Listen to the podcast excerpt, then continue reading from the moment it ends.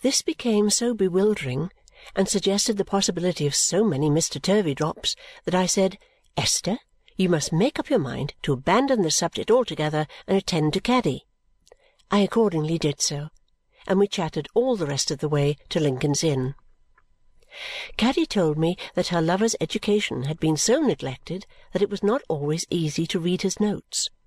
She said if he were not so anxious about his spelling and took less pains to make it clear, he would do better, but he put so many unnecessary letters into short words that they sometimes quite lost their English appearance. "He does it with the best intention," observed Caddy, "but it hasn't the effect he means, poor fellow."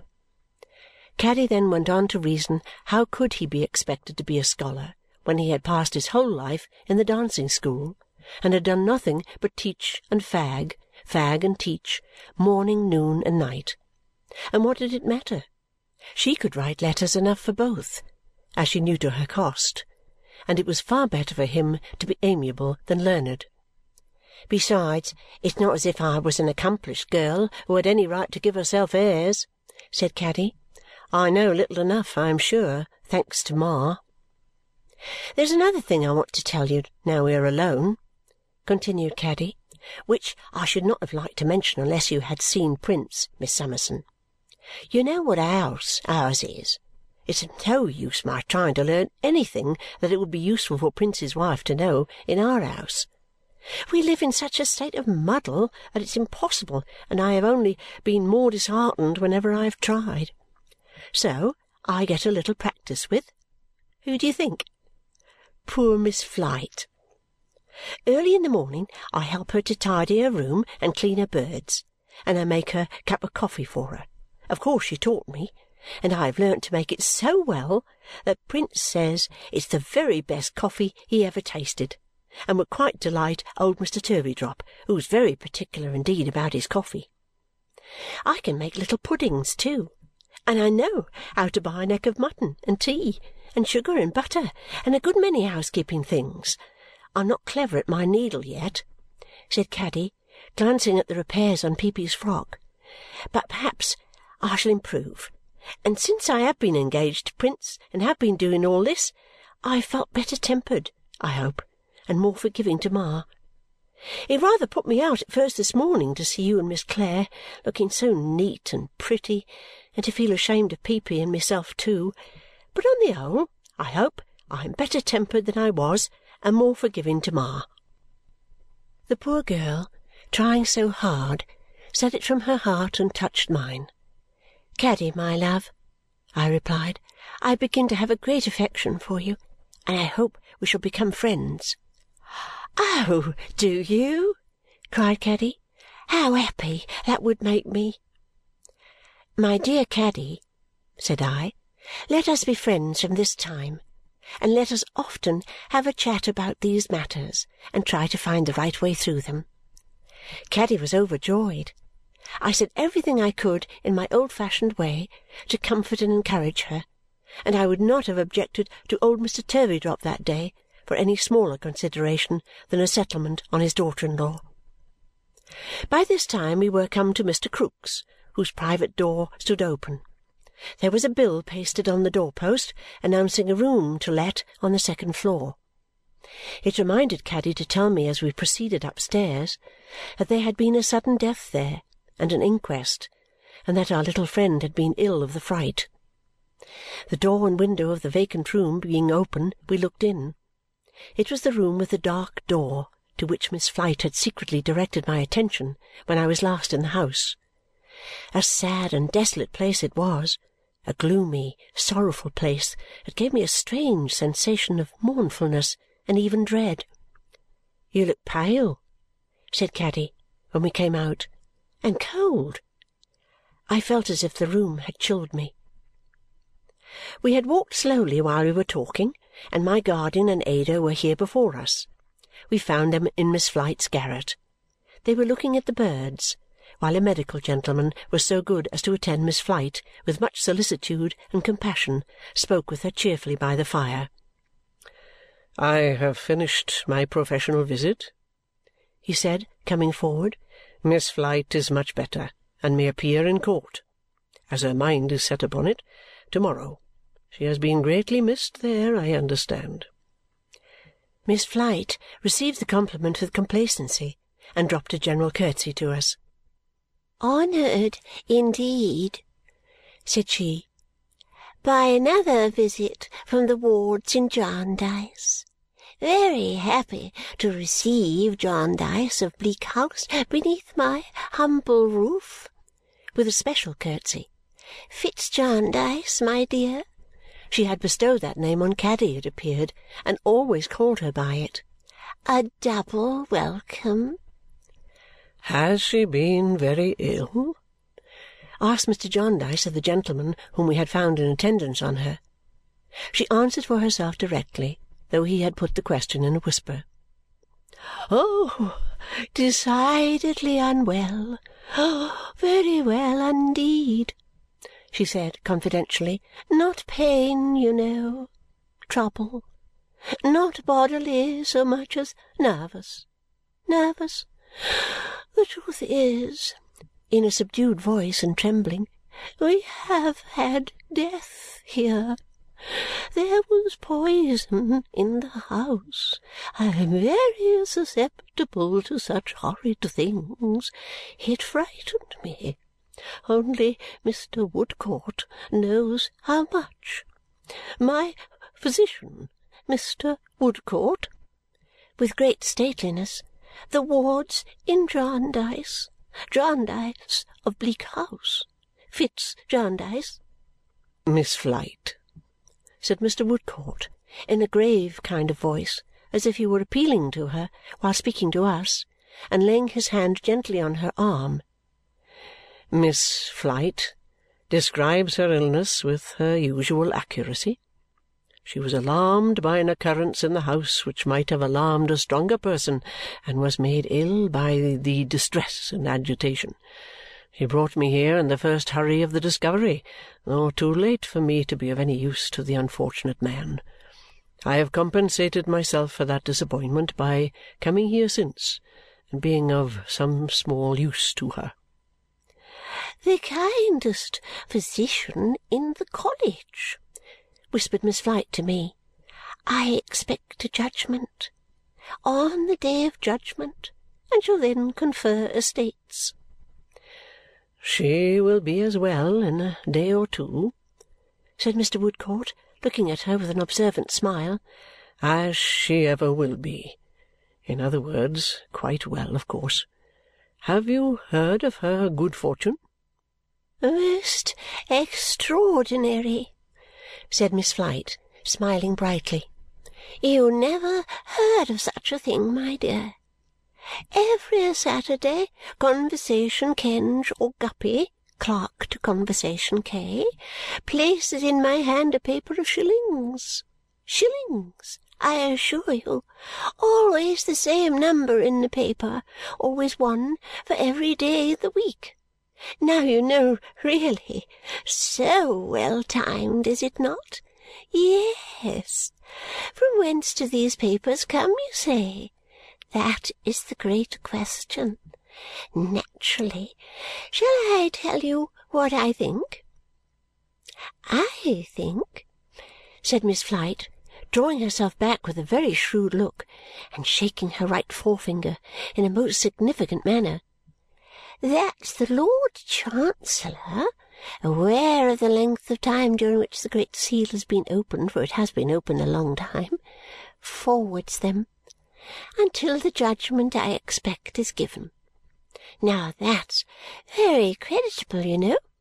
To confess in that way that he is a little slow for human life, so delicate, Attending court the other day I attended regularly with my documents I taxed him with it, and he almost confessed. That is, I smiled at him from my bench, and he smiled at me from his bench. But it's great good fortune, is it not? And Fitz Jarndyce lays the money out for me to great advantage. Oh, I assure you, to the greatest advantage. I congratulated her, as she addressed herself to me, upon this fortunate addition to her income and wished her a long continuance of it, I did not speculate upon the source from which it came or wonder whose humanity was so considerate. My guardian stood before me contemplating the birds, and I had no need to look beyond him. "And what do you call these little fellows, ma'am?" said he in his pleasant voice. "Have they any names?" "I can answer for Miss Flite that they have," said I, for she promised to tell us what they were. Ada remembers. Ada remembered very well. "Did I?" said Miss Flite. "Who's that at my door? What are you listening at my door for, Krook?" The old man of the house, pushing it open before him, appeared there with his fur cap in his hand and his cat at his heels. "I warn't listening, Miss Flite," he said. "I was going to give a rap with my knuckles, only you're so quick." "Make your cat go down! Drive her away!" the old lady angrily exclaimed. "Bah, bah! There ain't no danger, gentlefolks," said Mr. Krook, looking slowly and sharply from one to another until he had looked at all of us. "She never offer at the birds when I was here unless I told her to it." "You will excuse my landlord," said the old lady with a dignified air. "M. Quite M. What do you want, Krook, when I have company?" "I," said the old man, "you know I am the Chancellor." "Well," returned Miss Flite, "what of that?" "For the Chancellor," said the old man with a chuckle, "not to be acquainted with a Jarndyce is queer, ain't it, Miss Flite? Mightn't I take the liberty? Your servant, sir. I know Jarndyce and Jarndyce almost as well as you do, sir. I knowed old Squire Tom, sir. I never to my knowledge see you afore, though, not even in court. Yet I go there a mortal sight of times in the course of the year, taking one day with another." "I never go there," said Mr. Jarndyce which he never did on any consideration. I would sooner go somewhere else. Would you, though? returned Krook, grinning. You're bearing hard upon my noble and learned brother in your meaning, sir, though perhaps it is but natural in a Jarndyce. The burnt child, sir. What, you're looking at my lodger's birds, Mr. Jarndyce?" The old man had come by little and little into the room until he now touched my guardian with his elbow and looked close up into his face with his spectacled eyes. "It's one of her strange ways that she'll never tell the names of these birds if she can help it, though she named 'em all." This was in a whisper "Shall I run 'em over, Flite?" he asked aloud, winking at us, and pointing at her as she turned away, affecting to sweep the grate. "If you like," she answered hurriedly. The old man, looking up at the cages after another look at us, went through the list hope, joy, youth, peace, rest, life, dust, ashes, waste, want, ruin, despair, madness, death, cunning, folly, words, wigs, rags, sheepskin, plunder, precedent, jargon, gammon, and spinach. That's the whole collection, said the old man, all cooped up together by my noble and learned brother. This is a bitter wind muttered my guardian.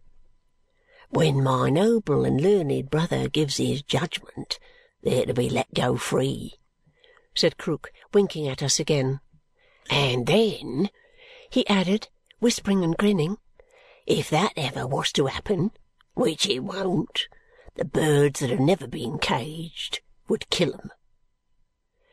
"If ever the wind was in the east," said my guardian pretending to look out of the window for a weathercock. "I think it's there to-day." We found it very difficult to get away from the house. It was not Miss Flite who detained us. She was as reasonable a little creature in consulting the convenience of others as there possibly could be. It was Mr. Krook. He seemed unable to detach himself from Mr. Jarndyce. If he had been linked to him, he could hardly have attended him more closely.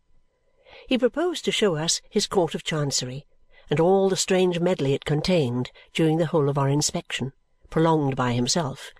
He kept close to Mr. Jarndyce and sometimes detained him under one pretence or other until we had passed on, as if he were tormented by an inclination to enter upon some secret subject which he could not make up his mind to approach. I cannot imagine a countenance and manner more singularly expressive of caution and indecision and a perpetual impulse to do something he could not resolve to venture on than Mr. Krook's was that day. His watchfulness of my guardian was incessant. He rarely removed his eyes from his face. If he went on beside him, he observed him with the slyness of an old white fox. If he went before, he looked back. When we stood still, he got opposite to him and drawing his hand across and across his open mouth with a curious expression of a sense of power, and turning up his eyes and lowering his grey eyebrows until they appeared to be shut, seemed to scan every lineament of his face.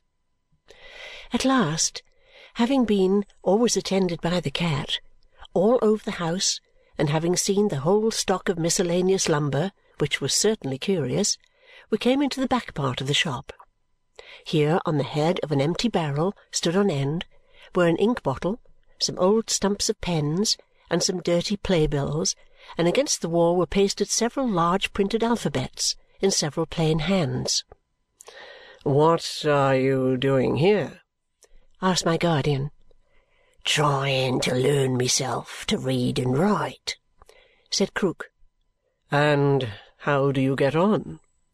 "Slow bad," returned the old man impatiently. "It's hard in my time of life." "It would be easier to be taught by some one," said my guardian. "Aye, but they might teach me wrong," returned the old man with a wonderfully suspicious flash of his eye.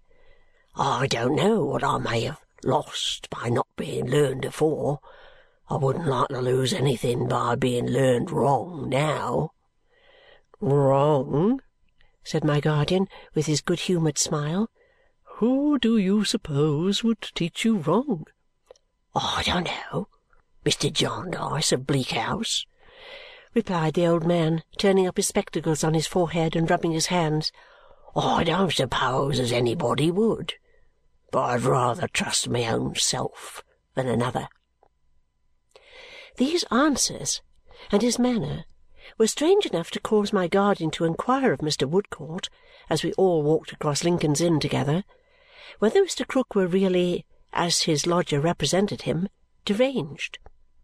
The young surgeon replied no, he had seen no reason to think so.